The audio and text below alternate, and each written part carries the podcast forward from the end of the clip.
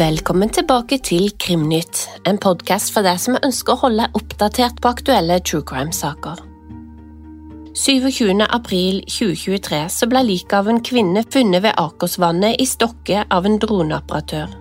Politiet tror at kvinnen er den savnede Victoria Belgen som forsvant i september i 2022.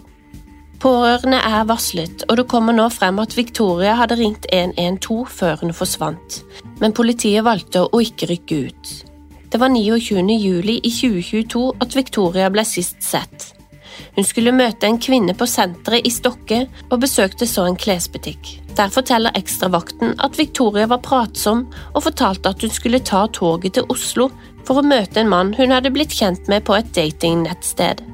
Politiet tror at hun ikke kom seg til Oslo ettersom telefonen pinget i en basestasjon i Stokke. 13. mars 2023 tar Åsted Norge på TV 2 opp saken. Her ber de publikum om hjelp. Venninnen Veronica møtte, har ennå ikke meldt seg, og søsteren til Veronica tror fast bestemt på at noen vet noe. Ifølge en Facebook-post har familien nå avslørt at Veronica skal ha sagt at hun var blitt kidnappet til 112. De har ikke kunnet gå ut med dette tidligere, i tilfelle Veronica var i live. Nå ønsker familien flere svar og venter på DNA-resultatene og obduksjonen. Så skal vi til Danmark. Etter en bytur med venninner 10. juli i 2016 drar Emilie Meng hjem alene. Klokka fire slås telefonen av, og det er siste livstegn fra Emilie. Da Emilie ikke møter opp til en kirkekonsert, melder familien hennes savnet. Et søk blir satt i gang, men politiets teori er at hun kan ha stukket av. Fire dager etter begynner politiet å behandle forsvinningen som en kriminalsak, og større søk blir satt i gang. Men det er ingen spor etter Emilie. På julaften blir Emilie Meng funnet av en turgåer. Seks mil unna der hun sist ble sett. Politiet konkluderer med at en kriminell handling har blitt begått. 20.6.2017 blir en hvit Hundei I30 etterlyst. Et vitne skal ha sett en mann komme ut av bilen bærende på noe tungt nær stedet der Emilie ble funnet. To år går, og ingenting skjer i saken. Familien til Emilie er frustrerte og mener at politiet ikke har gjort nok i saken. De mener også at politiet ikke kom fort nok i gang med etterforskningen, og at viktige spor har gått tapt.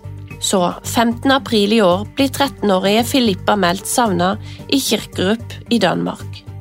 Hun hadde jobbet og gått en avisrunde da hun forsvant, og politiet fant sykkelen, veska og telefonen i en grøft. Og det ble umiddelbart iverksatt leteaksjon og etterforskning. Søndag sperrer politiet av et hus og et skogområde, og Filippa ble funnet i live.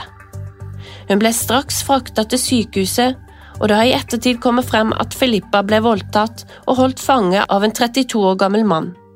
Det viser seg at mannen som nå er sikta, har eid en sølvgrå Hundei I30, som nå har blitt henta fra Slovakia. Mannen har også blitt sikta for drapet på Emilie Meng, Mannen har i 2022 også forsøkt å bortføre og voldta en jente fra Sorø, som han også nå har blitt sikta for. NRK har sendt en dansk dokumentar om Meng-saken i tre episoder. Der kom det frem at politiet ikke hadde spurt etter overvåkningsbilder innen 30 dager, og da er de som regel sletta. Krimprat vil følge denne saken. I siste saken i dag så skal vi til USA. 22. april ble den 42 år gamle seksbarnsfaren Sean Jemtegard skutt og drept i Lacey, Washington. Hendelsen skjedde på en parkeringsplass da det 48 år gamle pizzabudet Aaron Patrick Costello skal ha kjørt foran bilen til Sean slik at han måtte bråbremse. Begge førerne stanset og gikk ut av bilen, og de endte opp i en høylytt krangel.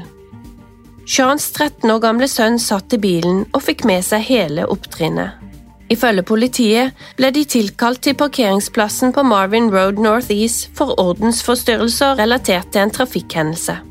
Sean og Aaron Patrick skal ha gått fra høylytt krangling før de gikk over til fysisk kongemeng. Da hadde Aaron Patrick dratt frem en pistol, og et skudd gikk av. Et vitne på stedet skal ha forsøkt å stanse blødningen til Sean Jentengard frem til ambulansen kom. Sean ble raskt frakta til sykehuset, men døde senere av skaden han ble påført. Et vitne fortalte politiet at mennene hadde krangla før de begynte å slåss, og så hørte hun en poppelyd. Hun hevder også at Sean hadde ropt ut 'herregud, du skøyt meg'. Et annet vitne hadde overhørt pizzabudet fortelle sjefen sin at det var en mann som blødde, og at han hadde skutt ham. Aaron Patrick ble raskt arrestert og innrømmet å ha skutt Sean. Mandag 24. april ble han stilt for retten, og en kausjon på 500 000 dollar ble satt. Familiens forsvarer ba om at Aaron ble holdt i fengsel frem til rettssaken starta, og uttalte at Seans 13 år gamle sønn var på stedet og ble vitne til at faren ble skutt og drept. Det vil være ekstremt skremmende for gutten om farens drapsmann slippes fri. Aaron Patrick Castillon har ingen tidligere registrerte kriminelle handlinger på rullebladet, og likevel er det som skjedde så ekstremt.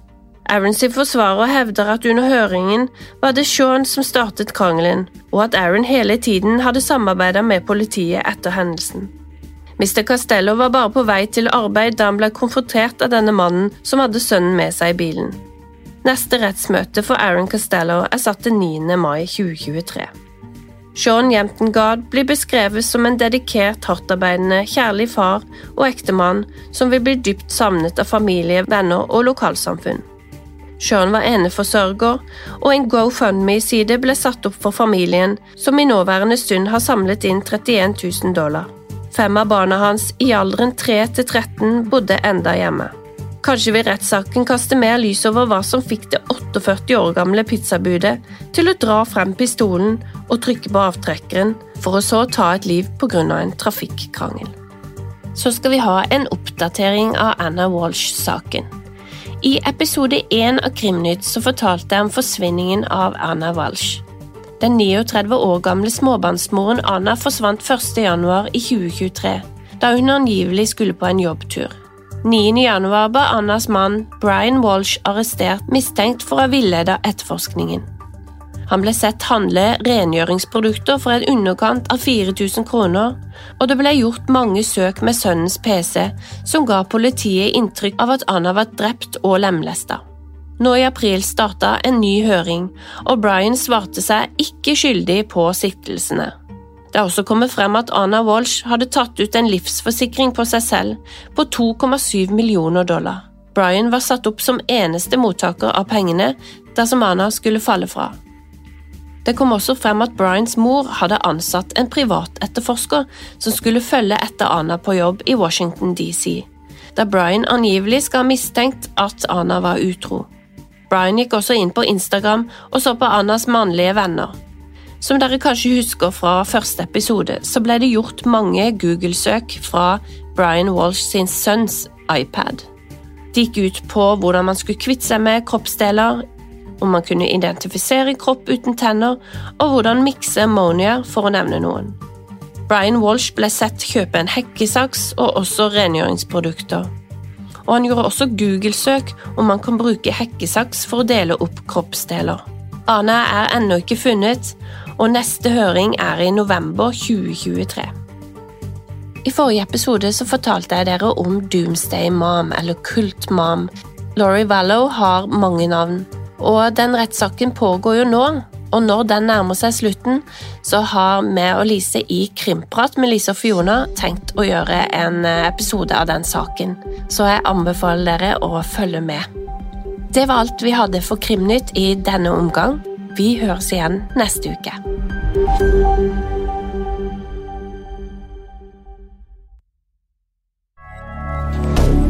Moderne media. Har du et enkeltpersonforetak eller en liten bedrift? Da er du sikkert lei av å høre meg snakke om hvor enkelt det er å sende faktura med fiken. Så vi gir oss her, fordi vi liker enkelt. Fiken superenkelt regnskap. Prøv gratis på fiken.no.